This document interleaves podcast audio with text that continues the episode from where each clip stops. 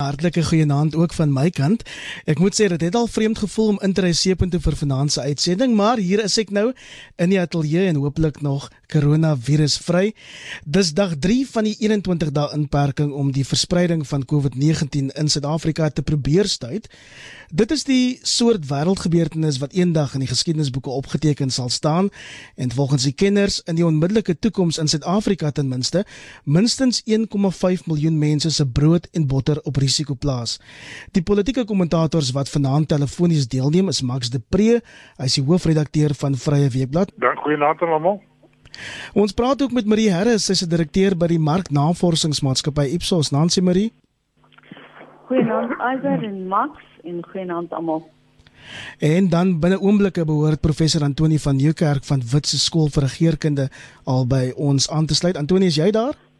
Ja, Wit het opgedaag. Dankie. Goeienaand. Wit het opgedaag. baie baie welkom volhuis vanaand. Max ons begin by jou. Waar begin ons buiten om te sê dat die wêreld in Suid-Afrika nooit weer dieselfde sal wees nie? Wat is jou algemene indrukke van die politieke leierskap wat ons die week hier in Suid-Afrika gesien het?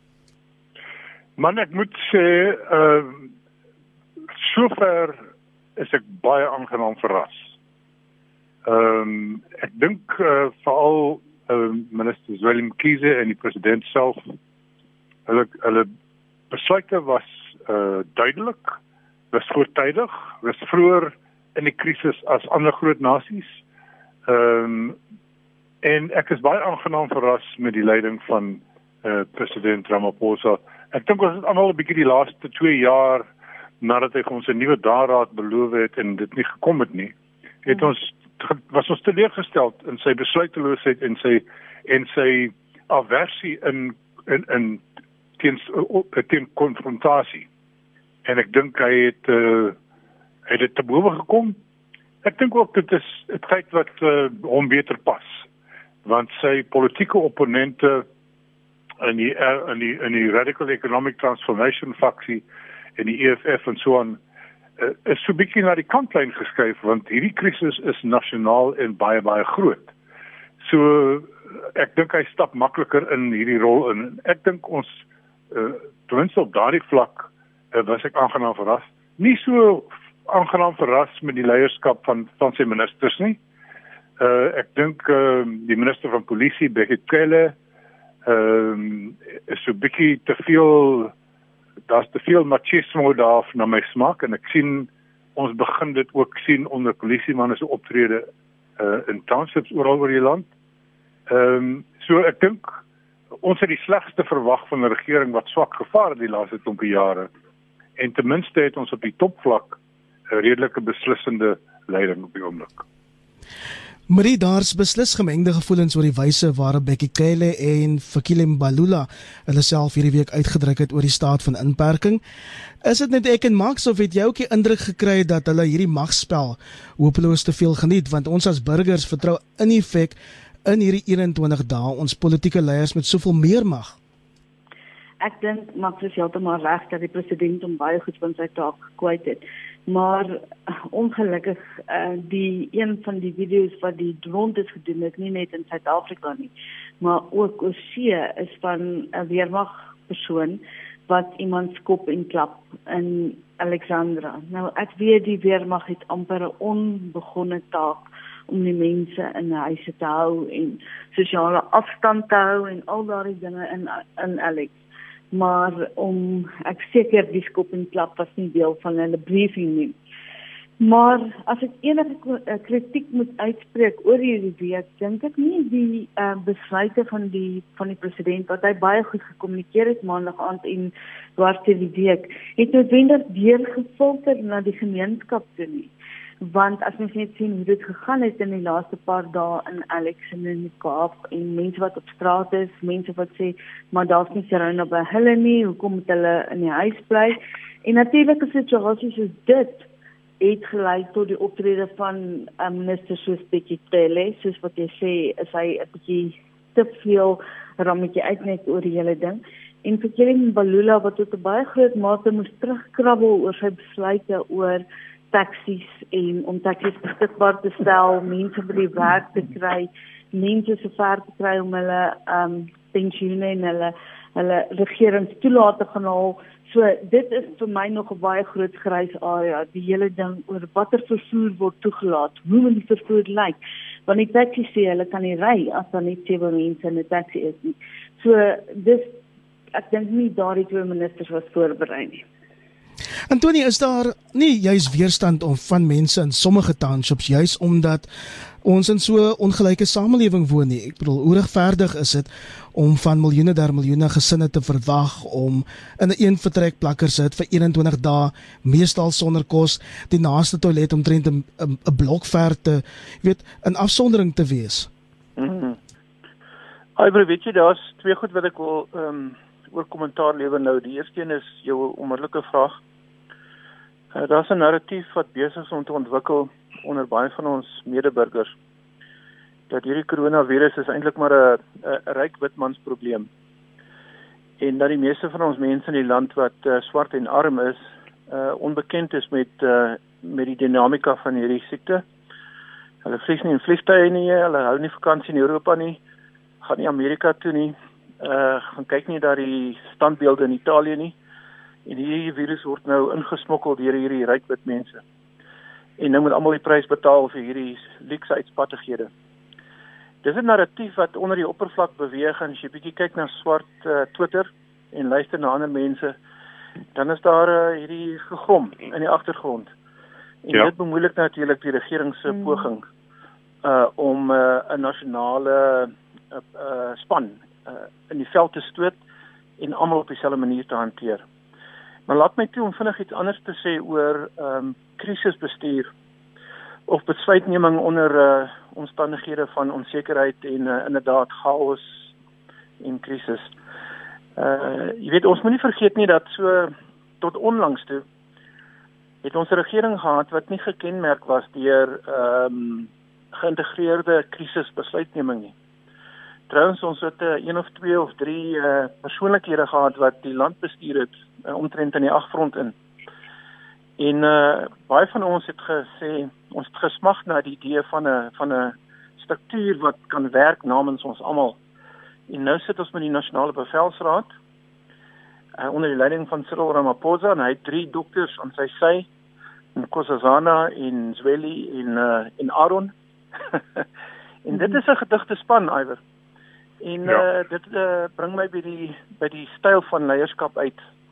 Ek was aanvanklik 'n bietjie bekommerd toe ek gesien het uh, Cyril ons president Duiwer om uh, om by die horlosie te hou as dit kom by aankondigings op die nasionale vlak hier en daar 'n tyd weggeraak en 2 uh, ure gewag vir 'n aankondiging en so aan ons het almal op die uh op die uh, op ons stoele gesit en wag uh, angstig as ware Maar ek besef nou dat ehm um, die aard van die krisis is sodat nie een man of een persoon die oplossing vir ons moet bied nie. Trans eh uh, Cyril se benadering om baie breed te konsulteer met ehm uh, met mense wat betrokke is en geraak word deur die krisis.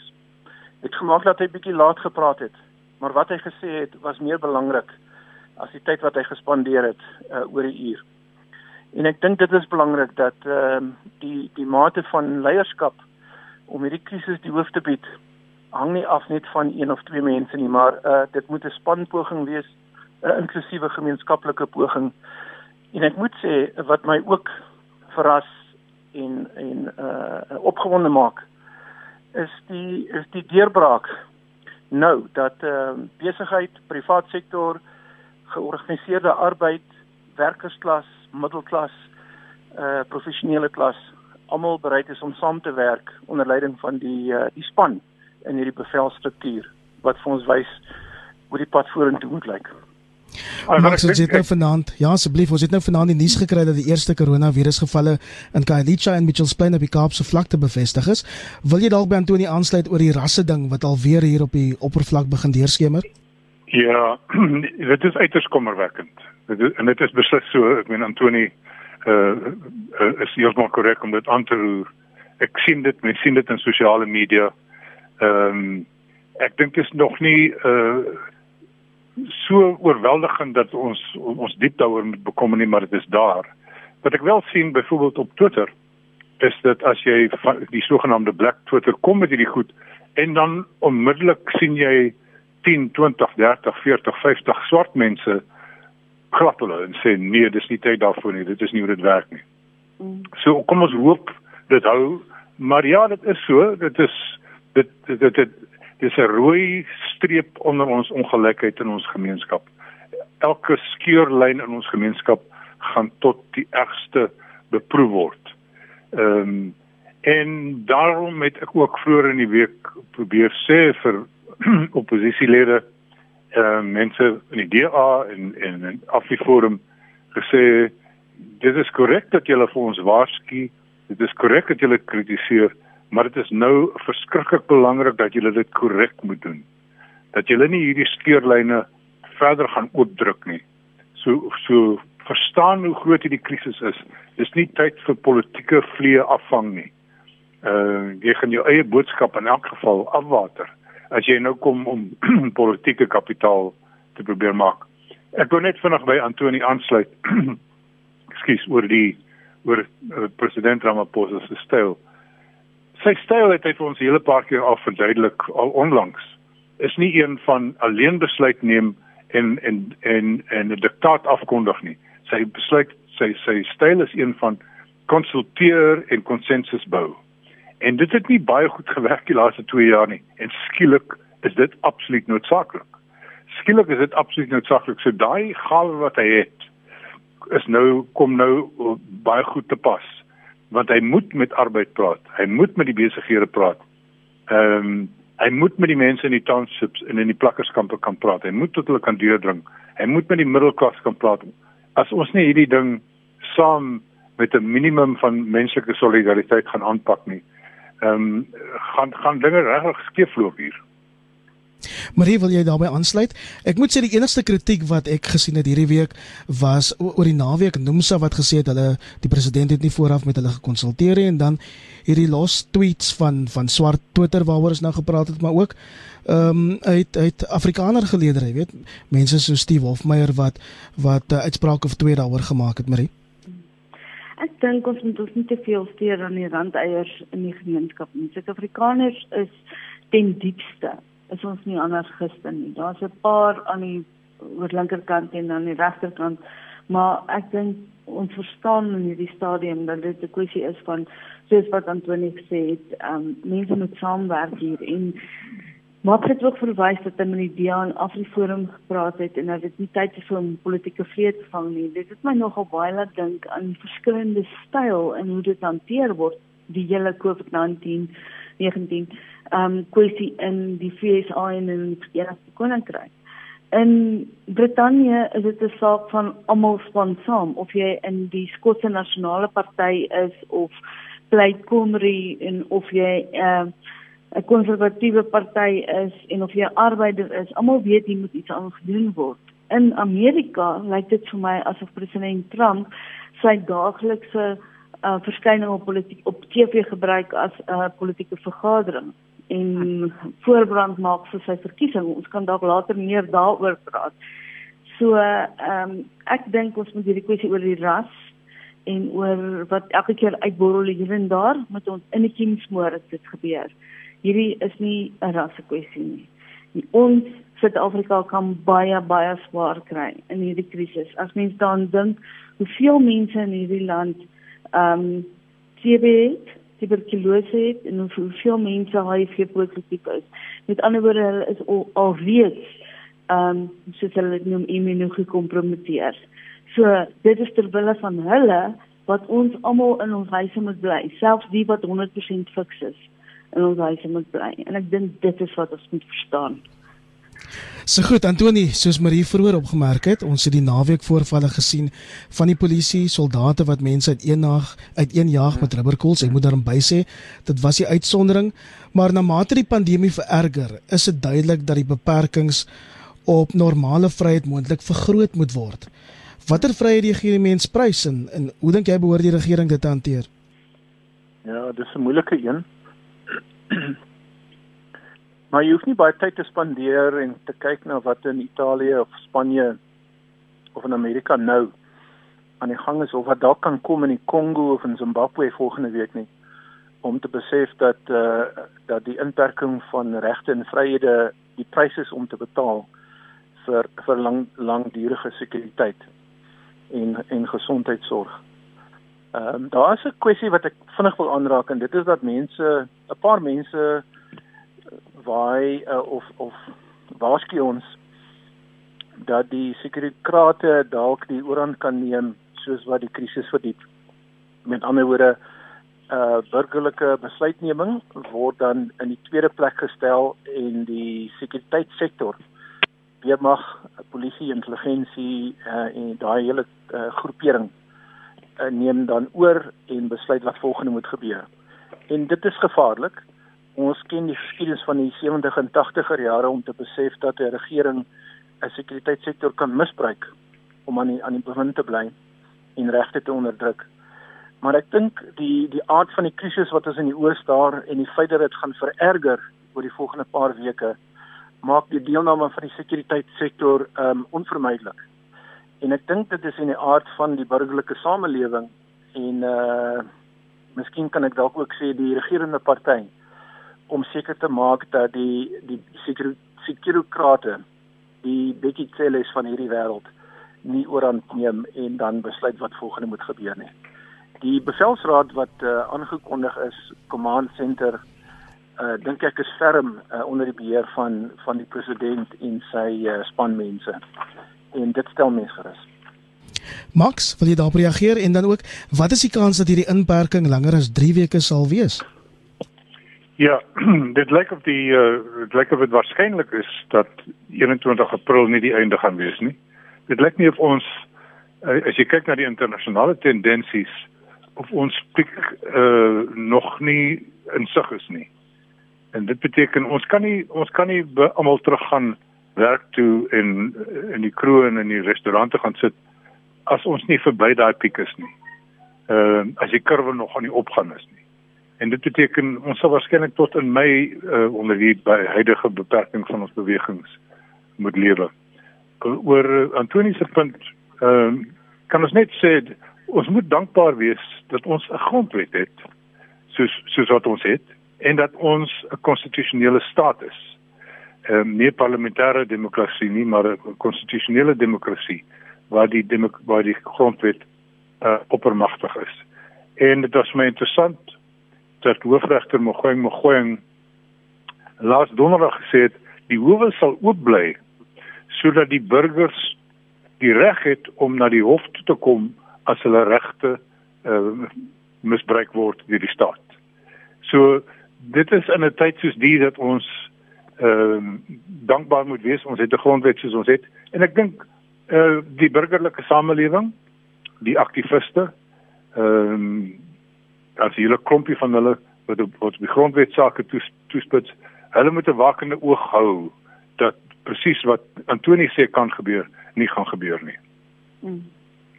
Marie en toe het Moody's ons beleggingsstatus ook oor die naweek tot rommelstatus afgegradeer. Beleggers reeds stuk stuk van die land begin onttrek. Wat moet gebeur wanneer hierdie staat van inperking verby is of dit nou wat oor nog 18 dae is of moontlik eers in Mei soos Max nou gesuggereer het? Ek sien die DA bepleit 'n nuwe noodbegroting deur minister Tito Mboweni ek dink ehm um, ons het so lank eintlik al verwag dat Moody's ons gaan afgradeer. Nou dit het uiteindelik gekom en nou is dit amper 'n uh, non-event met die dat die COVID-19 so groot kwessie is. Maar ek dink wat ons moet begryp is dat die hele Moody's kwessie kom na baie baie jare se wanbestuur in Suid-Afrika. Staatskap en spelery tot 'n baie groot mate het ons dit verdien. Ons Suid-Afrika as 'n geheel het hierdie afgradering definitief verdien ook na die baie jare van politieke onsekerheid die uh, split in die ANC van een mens wat dit sê en dan 'n ander mens wat anders sê so uh, ja wat moet ons doen as dit verby is ek dink tot baie groot mate gaan hierdie hele krisis ons ekonomiese ons breër ekonomiese probleme op die spits dryf En ek sal nie verbaas wees as ons na hierdie krisis moet of te midde van hierdie krisis dalk selfs moet gaan opsoek by iemand soos die IMF of die Wêreldbank nie. Ten minste gaan ons nie die enigste land wees wat hulp nodig het nie. Ons gaan nie hoed in die hand loop en sê julle moet ons help maar al die ander rondom ons kry nog swaarder nie. Want ons gaan een wees van baie wat hulp nodig het. En aan die ander kant in in Suid-Afrika dink ek is daar dinge wat ons kan doen uh om dit uh miskien bietjie af te water of te mitigeer. Ons moet kyk na ons arbeidswetgewing. Ons moet kyk na die krag van die vakbonde. Kusate se ver verklaring hierdie naweek was alreeds weer dat staatsamptenare met 'n verhoging kry. Dis dis onmoontlik in hierdie tyd. Dan moet ons ook soos wat ek aanvanklik gesê het, ons ekonomie is onder vrot. En dan wat dit miskien gaan tot tot gevolge, een van die onbeplande uitkomste hiervan, is dat baie mense gaan besef dat ons nie die uh, staatsondernemings wat geen bydrae tot die ekonomie lewer of wat net geld kry en geld kry en geld kry langer kan bekostig nie. Dit gaan dalk daardie hele kwessie op spit bly. En op die einde, ek weet net ek het vanmiddag gesit en dink, te wonder ek of hierdie hele Moody's afgradering en COVID-19 saam nie dalk die regering uiteindelik tot besluitneming kan dwing en die hele kwessie binne die ehm um, gevegte binne in die ANC op 'n spits dryf en afhangende van hoe die president die krisis hanteer, vir hom die van die hand gee teenoor die mense soos Ysmakashule en ander wat praat van die ehm um, wit monopolie kapitaal nasionalisering en al dergelike nie.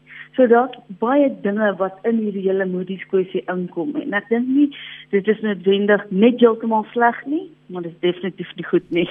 Mm. Antonia se mens dan op 'n amper filosofiese vlak kan vra wat beteken 'n Moody's afgradering as die res van die wêreld dan in elk geval tans in omtrent rommelstatus is. Ja, weet jy Iver, ek dink dat um, die kombinasie van 'n ekonomiese krisis en 'n virus uh mm, gesondheidspandemie uh kan die kim wees wat Suid-Afrika se ondergang gaan inlei. of is jy is jy meer wanneer is ek? Ja, of nee, wag nou, tweede sin.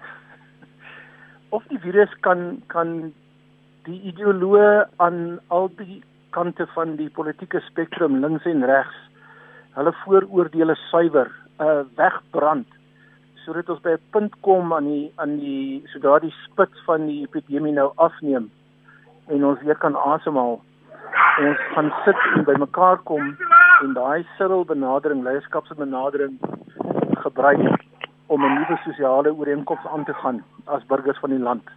Want inderdaad, ons gaan swakker daar ons gaan swakker lyk like na die koronavirus uitgewoed het as van tevore en dis baie duidelik vir my dat al die beleidsraamwerke wat ons in die afgelope paar jaar aangegaan het, gemaak het, geskep het, met mekaar uh, argumenteer en so aan nasionale ontwikkelingsplan, visie 2030, noem maar op iwer, dat die hele lot van hulle sal grondig herbesin en oor ehm um, onderhandel word. Hmm. En ons kan een van twee goeders doen.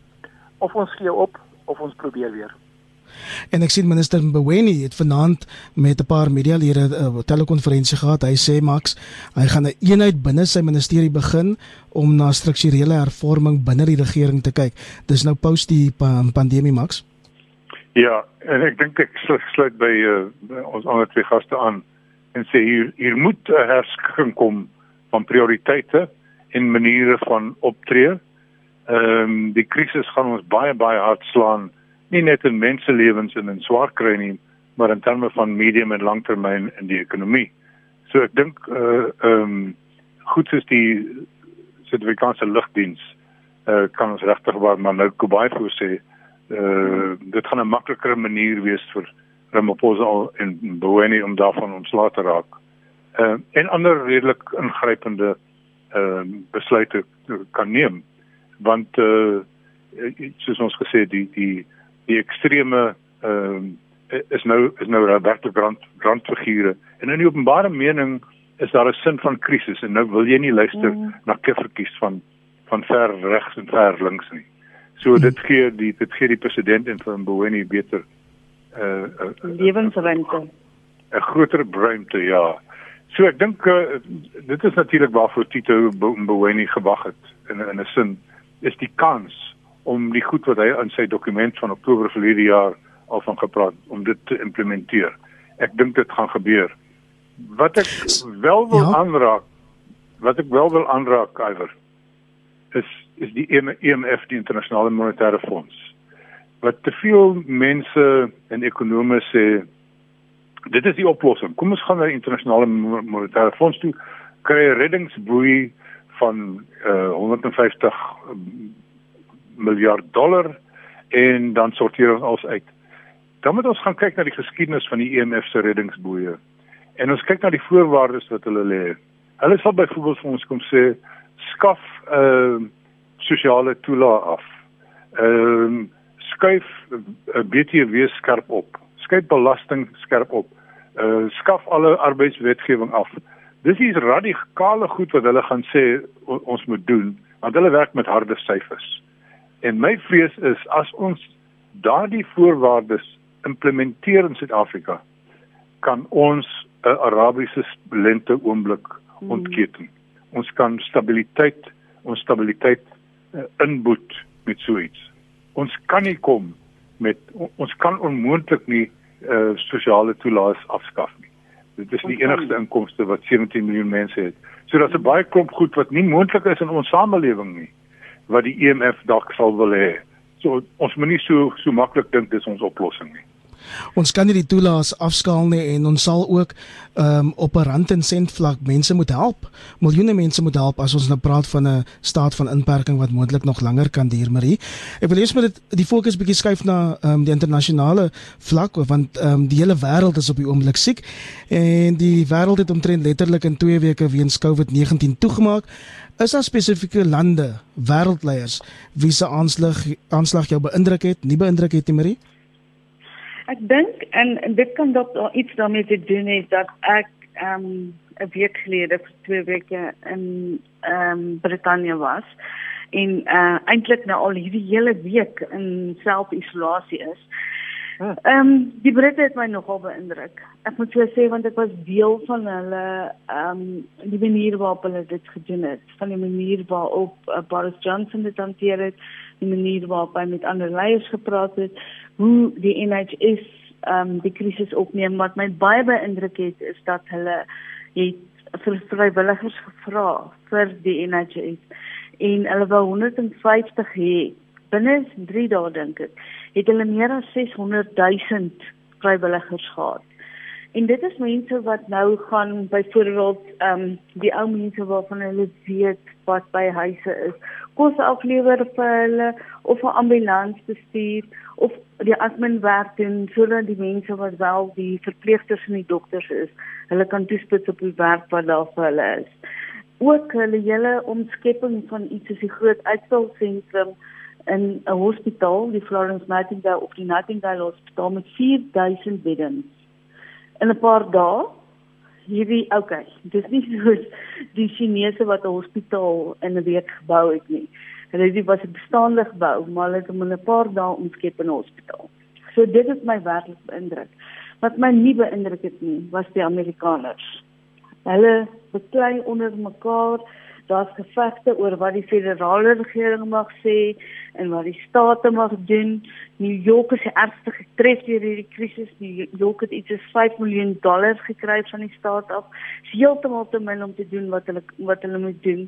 Daar is ek dink baie min ehm um, direkte leiding van die president en van die federale regering en die verskillende staatsregerings in Amerika praat ook nie oor uit een mond uit nie. Mense is verward, hulle is bang. Hulle weet regtig nie wat nou aangaan nie. En net omdat die regering nie ek dink jy het in die hand neem en sê kom ons praat almal uit een mond uit. So hulle het my nie hmm. beïndruk nie. Ehm um, Antonie, ek wil jou vra om um, by Marie aan te sluit daarop te reageer. Ehm um, en dan Piet Kroukamp het sopas laat weet dat die IMF e 2 jaar gelede ehm um, hulle het um, self ten gunste van die behoud van toelaas uitgespreek het. Mm. Ja, in terme van wêreldleiers. Ehm uh, dis 'n paradoks, is dit nie iwer dat eh uh, demokratiese leiers, leiers van demokratiese samelewings sukkel om ehm uh, mense te laat saamwerk om die aard van die krisis die hoof te bied, waarvan die Amerikaners die beste voorbeeld is. Eh uh, maar baie in Europa sukkel ook. Eh uh, ongelooflik. en dat aan die ander kant uh leiers van autoritaire of minder demokraties gesinde samelewings of regerings uh die aha, die hef ferm in die hand het. En ons dink aan Suid-Korea, uh, China self, uh Singapore en dan mag dalk een of twee ander voorbeelde wees waar met vinnige ferm autoritaire optrede inperking van demokratiese regte en menseregte die die die die virus die kiem gesmoor is as ware en nou weer dat hierdie lande kans het om asem te haal en te dink aan die volgende fase. So ek het nie individuele name wat vir my opval of nie behalwe dat ek sien baie van hulle self geïnfekteer word wat die wat die indruk verskerp uh uh of verdiep dat uh regerende elites en ryk mense die eerste slagoffers is van hierdie van hierdie siekte. Uh maar dat op die koop op die op die lange duur die manier waarop uh, die internasionale gemeenskap hierdie krisis die hoof probeer bied ernstige vrae laat vra uh, oor die aard van die liberale demokrasie en die kapitalisme. En dit is 'n filosofiese debat oor Dis dalk 'n filosofiese debat wat ons nie nou kan voer nie. Ehm um, maar dit is dit gaan in die toekoms sal ons ernstig moet besin oor die aard van die samelewing waarin ons self bevind. Marie, jy sê die toekoms van demokrasie is ook in die weegskaal. Ja, ek dink so want mense se basiese beginsels is om is dit gaan oor individuele oor individualisme. En demokrasie is uiteraard 'n individuele stelsel. Jy, jy maak jou eie keuse wanneer jy gaan kies vir 'n uh, president of vir 'n verteenwoordiger of wat ook al. En ek dink tot 'n baie groot mate is daar 'n klomp dinge wat nou daarop inwerk. Soos wat Antonie sê, party van die meer totalitêre regerings het beter gedoen. Ek is nie heeltemal stem nie heeltemal met ons saam oor die Chinese nie. Ek dink hulle het bietjie te lank gewag en uh hulle probeer nou ander kwessies om vriende te wen in die wêreld en ek is in elk geval bietjie bekommerd oor die invloed van China in Afrika. Maar dit is dis dis besides the point regtig. Maar as ons kyk na demokrasie in die algemeen, ek dink met die ehm um, en demokratiese state doen nie baie goed in hierdie stadium as jy kyk hoe hanteer hulle die krisis nie. Ehm um, voor dit was dit die hele opkoms van populisme ehm um, die vertroue in regerings en ook in politieke leiers dwars oor die hele wêreld was baie laag. Gaan hierdie krisis dit beter maak of gaan dit slegter maak? Ons moet kyk op dit. En dan ook nou die mag wat mense nou al afstaan aan die regering om besluite vir hulle te neem. Gaan regerings in die toekoms steeds daai besluite vir mense neem? Of gaan ons ons demokratiese reg terugvat en sê wel ons besluit oor hierdie verskillende dinge. Dis die dis die een kwessie. En dan ook as mense kyk na die verskillende stelsels van gesondheidstelsels ehm um, iets soos die NHS in Brittanje en die Amerikaanse stelsel waar duisende mense uitgesluit word. Na hierdie krisis gaan Amerikaners begin sê ons het 'n algemene gesondheidstelsel in hierdie land nodig gaan Suid-Afrikaners begin sê almal moet op dieselfde manier hanteer word wat gesondheid betref in hierdie land. So daar's 'n hele lot goeders wat inkom in hierdie krisis oor demokrasie wat alvnou op die spits gedryf word. Max, ek wil jou vra om daarop kommentaar te lewer, maar dan moet ons ook die fokus um, kortliks skuif na Afrika toe terwyl die res van die wêreld se fokus op die koronavirus is. Is Afrika stadig maar seker besig om die nuwe frontlinie van terreur te word, Max? Ja, dit is 'n kommerwekkende ding. Ehm um, ons ons weet nie mooi hoe uh COVID-19 Afrika gaan affekteer nie. Uh hoe hoe hoe COVID-19 Afrika gaan destabiliseer nie, want daar word doodgewoon nog nie eintlik getoets nie. Uh die president van Burundi het byvoorbeeld gister gesê toe iemand hom vra is daar die is die koronavirus in Burundi te sê nee, daar's nie een geval nie, want ons het nie 'n manier om hulle te toets nie. Mm. Ehm um, So ons dit is 'n onbekende. Maar wat ons nou van byvoorbeeld oor moet bekommer is wat gebeur ehm um, in Cabo Delgado in in in Mosambik waar hierdie ehm um, islamitiese militante organisasie wat ons nie mooi ek nie mooi verstaan wie hulle is en waar hulle vandaan kom nie dat hulle al meer aktief begin raak. Ek sien gister is daar 50 van hulle uh, in Cabo Delgado uh, gearresteer deur die so deur die militêre ehm uh, maar dit is 'n ding wat nou al al 'n jaar of 2 aan die gang is en dit het skielik in die laaste paar maande erger geword en dit kruip al laer. En ek sien die mense van Mosambiek sê vir my hulle praat van ehm um, dis dieselfde as in Somalië, maar blykbaar sê die die uh, veiligheidsmense vir my die die die die uh, die groep in Mosambiek het nie regstreekse bande met Al-Shabaab nie. So hier is 'n dis 'n baie uh, kommerwekkende ding wat uiteindelik ehm um, vir Kenia en vir Zimbabwe ook kan affekteer. En ehm uh, en die Zimbabwe die Mosambiekse regering, dit gaan nie baie goed in Mosambiek nie. Dit gaan nie goed met hulle ekonomie nie. Gaan nie baie goed met hulle demokrasie nie. Ehm um, so ons wil nie graag sien dat een van ons buurstate weer fundamenteel ehm uh, gedestabiliseer gaan word uh soos in die ou ou dae van van uh Renamo en so aan nie, maar lyk my dit is op die kaarte. Maar ehm um, Antoni? Ja, ja, dis dis 'n scenario wat waar kan word.